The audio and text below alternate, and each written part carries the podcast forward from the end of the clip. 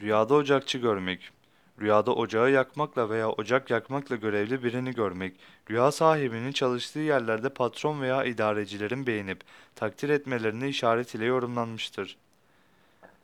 Ocakçının ocağa odun ve kömür gibi şeyler atıyor olduğunu görmek, işlerinin beğenilmesiyle ücretinin veya maaşının artacağını işarettir denmiştir. Bu rüyayı bir kadın görmüş olsa, onun kocasının kendisine yani kadına sevgi ve takdirlerinin işaretidir demişlerdir.